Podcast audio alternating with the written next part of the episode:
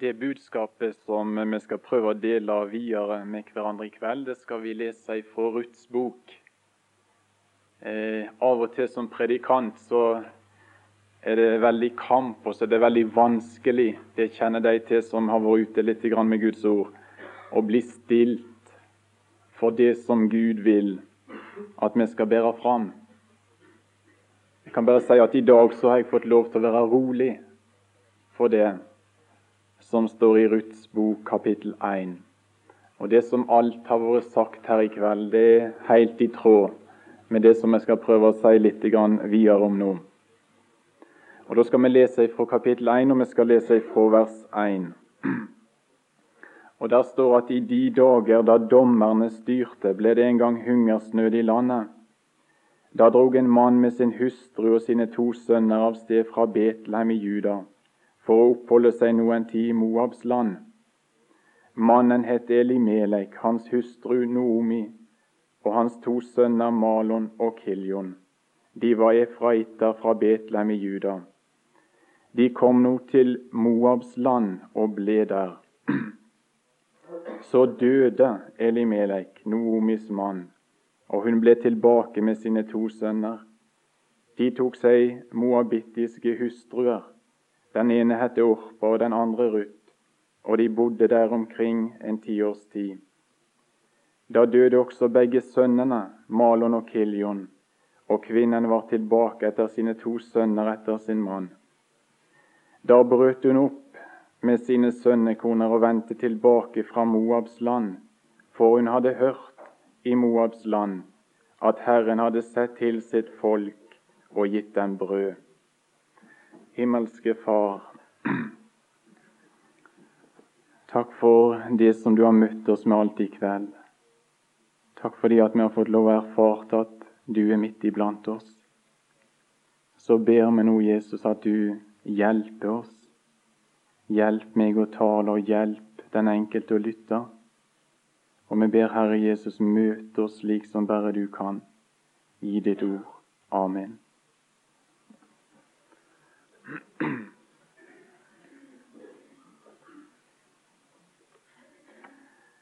Det første som jeg har lyst til å peke litt på ut ifra det som jeg har lest, det er at her møter det oss egentlig en merkelig situasjon. For her leser vi egentlig om overflodslandet Kanan. Og så leser vi at det er hungersnød, det er svolt, det er mennesker som er i nød. Det landet hadde Herren talt en god del om i sitt ord. Og du skal merke deg det for noe vidunderlig fine løfte Israel hadde fått når det gjaldt dette Kanan. Vi kan f.eks. lese i 5. Mosebok 8 at Gud sa det at i det landet der skal det ingenting mangle. Der skal du ikke ete ditt brød i armod.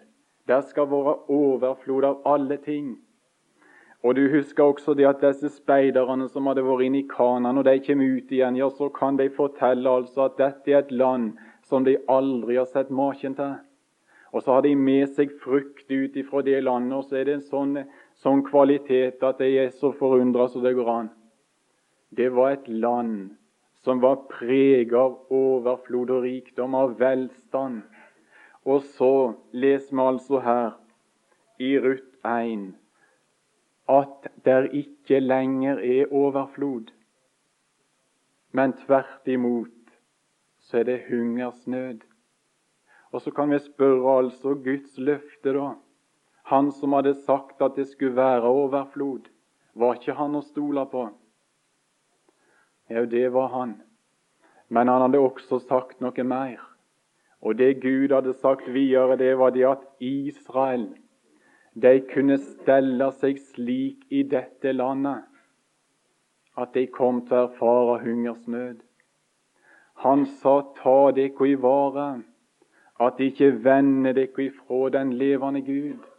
Fordi at dette overflodslivet det var egentlig knytta til betingelsene. Og det var at de skulle holde seg nær Herren. Og det var at de skulle ivareta det som Herren hadde gitt dem. Og Når vi leser i Ruth 1, så blir det rulla opp en situasjon for oss som er et uhyre eh, vitnemål om at dette folket De hadde vendt Gud ryggen. En liten parentes. Det går an også i Guds rike, i et rike som er godt, å stelle seg slik at du i ditt private liv eller i forsamlingen så kan en erfare hungersnød.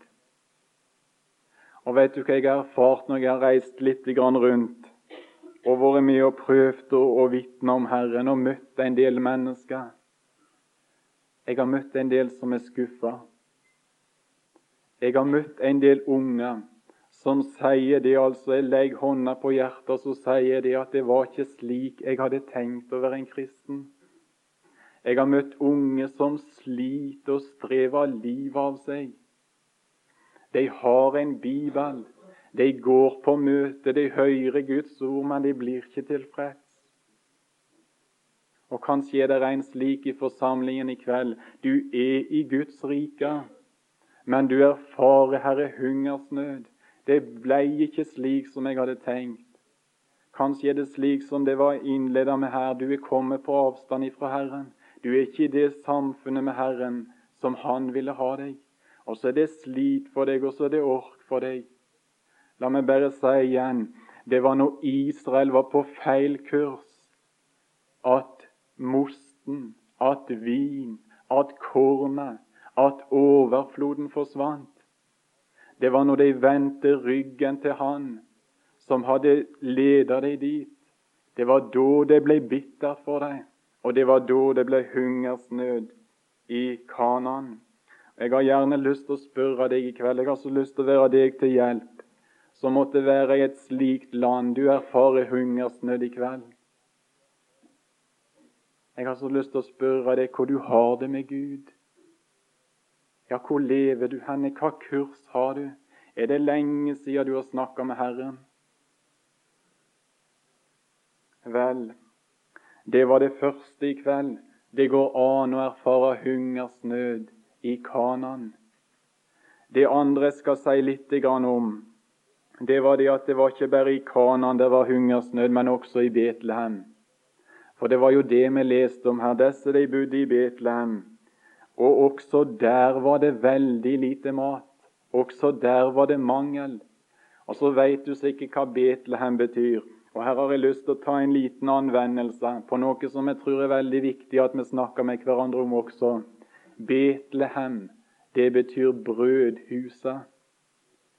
Og det som jeg har erfart som et brødhus for min del, det har jeg med meg her i kveld. Det er denne bok. Du vet hva Jesus sa i Johannes 6. Han sa det f.eks. at han var Guds brød. Han var livsens brød. Han var det levende brød. Han var det sanne brød som var kommet ned fra himmelen. Og vi vet jo det at denne Jesus han er å finne i Guds ord. Det er vårt brødhus.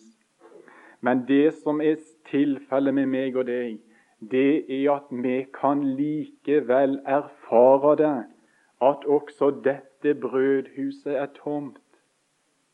Du erfarer det slik at når du leser i Bibelen, så får du ingenting. Alt er stengt. Ja, hva er det som gjør det? Nå har jeg lyst til å nevne tre-fire ting, og kanskje spesielt med tanke på de yngste her.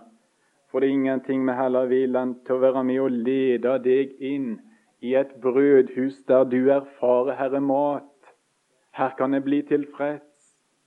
Hva er det som gjør at enkelte ganger i våre liv så er det så stengt, altså? Og så finner jeg ikke brød i Betlehem, så er brødhuset tomt. La meg nevne noen ting. For det første så kan brødhuset være tomt fordi du ikke har fått liv i Gud. Vi utdeler ikke det i kveld. Du finner ingenting i Guds ord fordi du ikke er gjenfødt. Du har ikke fått slike sanser at du kan erfare Guds ord. Du vet hva Jesus sa? Han sa at 'mine får, de hører min røst'. Og Det som er tilfellet i dag, det er at det er enkelt på mange måter, i enkelte sammenhenger i hvert fall, å få folk med. Ikke så vanskelig å få dem på kne. Og det er skummelt, det. Og slike mennesker som er kommet med uten å ha møtt Jesus, de vil oftest erfare det at brødhuset er tomt. De har ingen forhold til Skriften, og de har ingen forhold til Herren. Det er det samme, det. Og Her har jeg lyst til å være med og rope et varsku midt inn i den situasjonen vi lever i. Jeg har lyst til å spørre den enkelte som er her i kveld, hvordan du kom inn i Guds rike. Du har vel fått liv? Du skjønner, det nytter ikke å leve før du har fått liv. Og det nytter jo ikke å vandre før du har fått liv. Det første det at du må møte Jesus der. Og det første det er at han får lov til ved Guds ord å føde deg på nytt, slik som Skriften sier. Vel, vi skal ikke si mer om det i kveld. Men det andre jeg har lyst til å nevne, du kan erfare at brødhuset er tomt fordi, eller på grunn av, deg sjøl. Og her skulle vi talt en del, altså. For her er det nød. Jeg tror nemlig det at vi som Guds barn, vi kan vandre slik i denne verden at vi stenger Bibelen for oss sjøl. Du kan ha et slikt forhold til verden du kan søke av disse tingene i denne verden. Du kan drikke av disse kjeldene i denne verden. Og så resulterer det altså i at når du skal til Skriften, så er den stengt. Og det er veldig mange i dag som lever i denne verdens larm. Og så skjer det ganske enkelt at de blir hørselsskadd.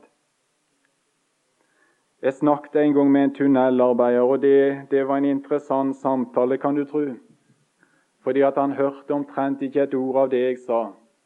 Han hadde jobba inne i tunneler, og så hadde han stått i larmen og båret og, og, og herja, og så var, så var sansene skadd. Og Så stilte jeg han spørsmål, og så svarte han helt borti været. Så svarte han på andre ting enn jeg spurte om. Ja, ja, men nå skal jeg fortelle deg det, at det er også mennesker i våre forsamlinger i dag som lever i en slik larm at de ikke lenger er i stand til å høre Guds røst. Og det er ikke for ingenting det står i Skriften Den som har øre, han hører. Og Vi lever i ei skummel tid også slik, altså. Og jeg har lyst til å si pass deg så du ikke stenger Bibelen for din egen del, og at du på grunn av de vandring i denne verden erfarer det at brødhuset er tomt. Den tredje grunnen jeg har lyst til å, nevne her, som gjør at du kan erfare det at brødhuset er tomt, at Betlehem er tom, det er livets omskiftelser. Og det er ett ord som kan være nok til å forklare hva jeg mener der. Det er travelhet. Dette hektiske jaget som vi kommer inn i enten vi vil eller ei. Og så får vi en sånn sinnstilstand. Det blir jo så urolig. Og så er det altså så vanskelig for Herren å få lov til å, å, å, å nå inn til oss med ordet. Du kjenner det. Og Det er jo litt av det som også Skriften sier skal prege den siste tid. Det skal komme vanskelige tider, sier Paulus. Og vi er vel midt inni det. Slik erfarer vi det. Og det er så vanskelig. For det første er det jo vanskelig å samle folk i dag om Guds ord mange plasser, fordi de har ikke tid. Og for det andre, når de kommer, så er de så utkjørt og så er de så trøtte, og så er det så mange tanker, og så er sinnet så urolig at Guds ord det har så liten mulighet. Og så er det stengt for de som sitter på møter, så får de ingenting. Så er brødhuset tomt. Den fjerde grunnen jeg nevner for at mennesket kan erfare at Bibelen den er tom, brødhuset er tomt, det er når Herren lukker til.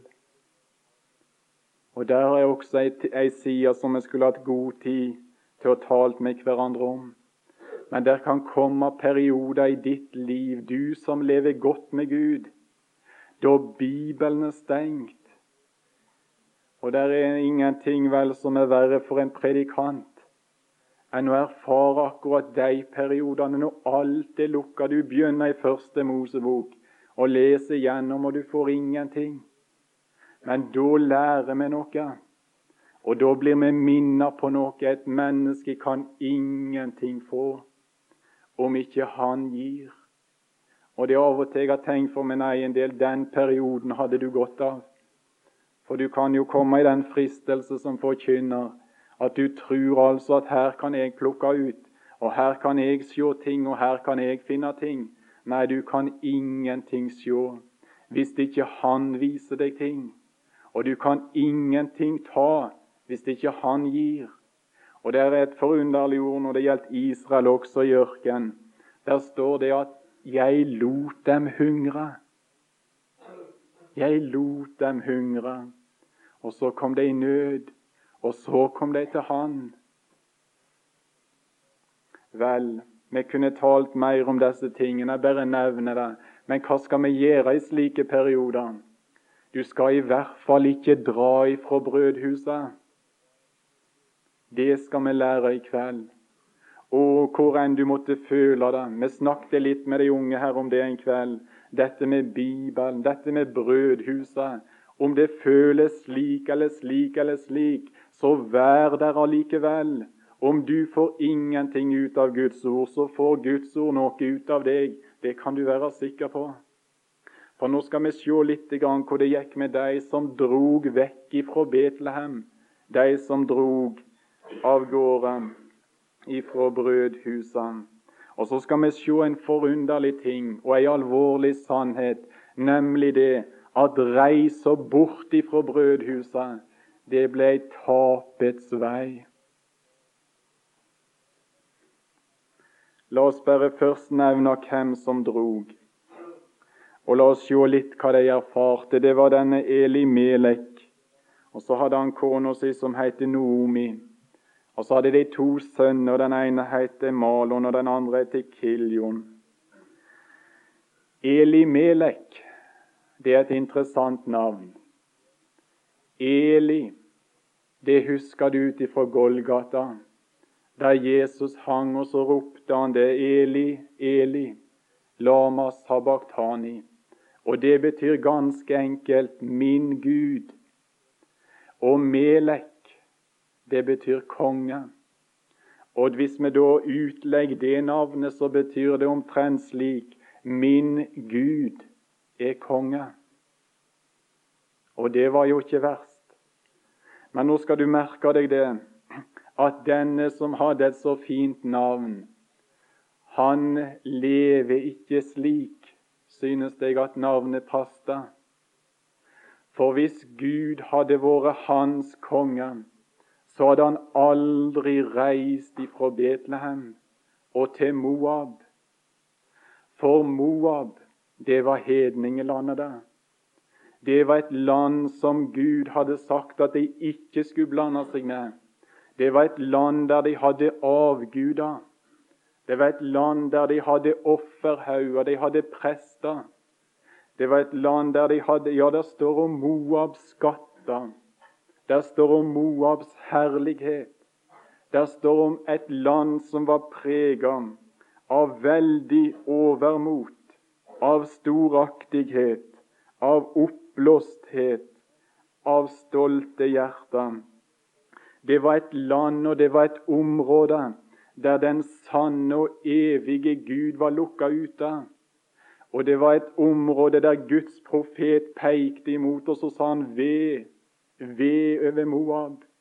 Og han ropte til den samme profet, fortapt er Kamos folk og Kamos, det var deres hovedgud i Moab. Til dette land drog disse fra Betlehem. Og nå skal du merke deg det, at denne reisa, det ble ei forferdelig trist reise. Og det som skjedde videre her, det var det at der blir dødsfall etter dødsfall.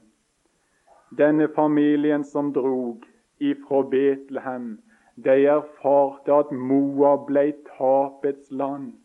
Det ble en kirkegård, det ble en gravplass, der døden talte sterkt og ofte. Og til slutt så står denne Noomi tomhendt tilbake. Så er mannen hennes borte, så er sønnen hennes borte. Og nå lurer du kanskje på hvorfor vi taler om dette i kveld. Og det skal jeg forklare så enkelt jeg kan. når det står om endetid, og når det står om endetids menighet i Skriften, så står det det at de skal ha store interesser i Moabs land. Har du merka det der? Når Jesus talte om den siste tid, så sier han det at det skal bli slik som i Lots dager. Og Lot var jo far til Moab, egentlig. Og det som preger Moabs land, det er litt av det samme som preger Lotte. Og det som du vil finne når det gjaldt Lot, så hadde han interesse, og det gikk til Sodoma. Det gikk til den byen som var under Guds dom. Og du vil merke deg det, at denne Lot han investerte sine krefter, han investerte sin tid, og han investerte omtrent alt han hadde i den by som var under Guds forbannelse. Og når det gjaldt Moabs land, så var også det under Guds forbannelse. Så var det bare et tidsspørsmål når dommen over Moab ville nå deg. Og så sier jeg igjen når det gjelder endetidsmenigheten, så sier Skriften det at den skal ha en forferdelig evne til å dra på Guds barn imot Moab. Og det som Satan er interessert i denne sammenheng, vet du hva det er? Det er altså å ødelegge mitt og ditt samfunn med Gud. Det å ødelegge vår tjeneste. Og det som han klarer, det med å vise seg ofte å være forunderlig god til, det er at han bruker verden som Moab er et bilde på, og som Sodoma er et bilde på. Og så bruker han den, og så henger han det opp for våre øyne. Så er det mange, mange som kan si det med handa på hjertet, altså, at verden den har ødelagt kolossalt for meg, for mitt liv med Gud.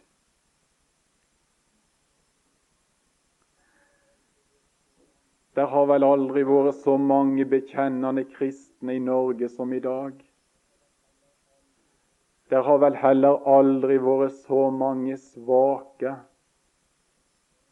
kristne som i dag. Og vet du hvorfor? Det er fordi at de lever i Moabs land. Og så erfarer de mindre av dette med samfunn med Herren og så blir de svake. Og når de er svake, så blir de tatt av alle strømdrag. Har du merka det der? Og så driver de hit, og så driver de dit, og så driver de hit. Og hvor viktig det er at vi er klar over det. Og som Skriften sier også om disse ting, når den roper ut sine formaninger til Guds barn. Vokt eder for avgudene, sier Johannes i sitt brev til Guds barn. Og hvis jeg nå spurte, så kunne det vel hende at du som sitter på møtet i kveld, du veit at dette med Moab, det, det, det passer på meg, altså. Hvis du ser på livet ditt, så kan det godt hende at du registrerer slik som Noomi at det landet der du lever i, det har blitt en kirkegård. Det har blitt en gravplass. Frelsesfryden din, kanskje den borte. Du har levd i verden. Nøden for dine ufrelste naboer, f.eks. For, for dine ufrelste venner, den er borte. Ditt åndelige klarsyn du som prioriterte så rett. Du som setter Guds rike først, altså. Det var ikke spørsmål. I dag prioriterer du annerledes. Kjærligheten til Kristus. Jeg har så lyst til å spørre deg i kveld. Det er så viktig, det skjønner du, om ditt forhold til Jesus. Den første kjærligheten står det om i Efesus-menigheten. Og hvor han roste den menighet, altså hvor han løfta den opp. Det var så mange ting Jesus fant. Og for en menighet! Men jeg har imot deg. Du har forlatt din første kjærlighet. så var der ei gravstøtte, altså. Den første kjærlighet. Og så kunne vi ta ting for ting. Dette med, dette med gleda i, i, ditt kristenliv og, så videre. Dette med trangen etter å nå andre med evangeliet. Jeg tenker av og til når vi har vitnemøte, det, det, er så stilt, altså. Det er så stilt. Og det er ofte en talende stillhet der. Er det fordi at disse menneskene de lever i Moab? For du skal merke deg det at verden den har en enorm evne til å slukke ut nøden for de andre. Vel, vi kunne talt en stund med hverandre om dette, men vi skal, ikke, vi skal ikke si mer. Men det som jeg har lyst til å slutte med i kveld, det var det at det slutta ikke i Moab for Noomi. I det sjette verset vi leste i Ruth 1, der står det om et rykte som kom til Noomi. Og det er velsigna fint, altså. Hun hørte et rykte om at nå var det slutt på hungersnøden i Betlehem. Nå var det slutt på det som hadde vært tilstand der, og nå var det brød der. Og da reagerer Noomi. Så bryter hun opp ifra Moab, og så legger hun veien hjemover. Det var ikke nødvendig å være der lenger. Og så reiser hun altså, og så blir hun ikke skuffa. Men hun finner at det var sant, det som ryktet sa. Det var overflod i Betlehem igjen. Og ikke bare det, men når hun kommer til, når hun kommer til Betlehem, så starter et helt nytt liv for henne. En helt ny tilværelse. Og det som gjorde at han ble så ny, den tilværelsen, det var jo at hun kom i forbindelse med en person som ble hennes løser, og som ble en del av livet hennes. Og det som er sagt i Ruth 4, det har jeg lyst til å lese nå, som hun erfarte når hun brøt opp ifra Moab, og når hun kom hjem. Det er sagt en ting om denne Boas som hun der skulle møte. Han skal bli din sjels trøster og din alderdoms forsørger. Ser du hva som skjedde egentlig? Nå kan du lese resten av Ruths bok sjøl. Men når hun kommer hjem igjen, så kommer hun i forbindelse med en person som blir hennes sjels trøster og hennes alderdoms forsørger en trøster og en forsørger. Og jeg tror det er noen i kveld som skulle ha det vi har snakket om nå. Fordi du veit at du lever i Moab. Det er verden du er interessert i, sjøl om du er i Guds rike. Og du veit at samfunnet med Herren det er ikke slik som det skulle. Du skal få erfare det som Ruth, som Noomi erfarte, nemlig det at du skal finne en trøster og en forsørger som skal gjøre det at livet ditt det blir et liv i tilfredshet.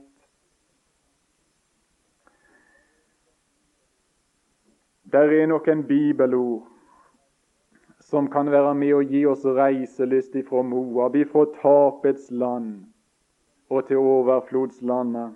Vi skal lese et par av dem til slutt. Andre Korinterbrev 6. Andre Korinterbrev 6. Og vi skal lese fra vers 15. Hva samklang er det mellom Kristus og Belial? Eller hva lodd og del har en troende med en vantro? Og hva enighet er det mellom Guds tempel og avguder? Vi er jo den levende Guds tempel, som Gud har sagt. Og Nå skal du få høre noe forunderlig fint. Om du ikke får med deg mer, så må du få med deg det i kveld som Herren her sier. Jeg vil bo iblant dem og ferdes iblant dem. Og jeg vil være deres Gud, og de skal være mitt folk. Det som Gud her vil, det er at han vil la deg erfare at han er deres Gud, og at de er hans folk. Derfor gå ut fra dem og skill eder fra dem, sier Herren, og rør ikke ved urent, så skal jeg ta imot eder. Og jeg vil være eder en far, og I skal være meg sønner og døtre, sier Herren den allmektige. Merk deg det. Disse ord var sagt til truende mennesker i Korint. De var sagt til Guds barn. Og så ser du Herren som står der, og så kaller han på disse som er hans. Ut ifra verden, ut ifra samfunn med det som de var blitt så forferdelig interessert i. Og så står han der, og så kaller han dem ut. Og så sier han det at 'jeg vil være dere en far'. Det har med erfaring å gjøre, det har med liv å gjøre. Og jeg sier igjen, om du er her i kveld som lever i Moabs land, så står det en altså, så sier han 'kom ut'. Og det er den allmektige. Da er det ikke grunn å skjelve da for å gå. Når du veit at du kommer i forbindelse med den allmektige. Og hvis det er noen som evner å trøste, og hvis det er noen som evner å forsørge, så er det Han. Ettersom vi da har disse løfter, mine elskede, så la oss rense oss fra all urenhet på kjød og ånd og fullende vår helliggjørelse i Guds frykt. Ser du Han som står der? Og hørte du Hans løfte, så går du. For da skjønner du det at det å forlate Moab, det er jo vinning. Og da skjønner du det at hver eneste time som du lever i Moabs land, det er en time i tap. Og hver eneste dag du lever utenfor samfunnet med Herren, det er en dag i tap. Moabs land er tapets land. Og så kaller Herren sitt folk, og så kaller han det ut. Og så kaller han det til samfunn med seg.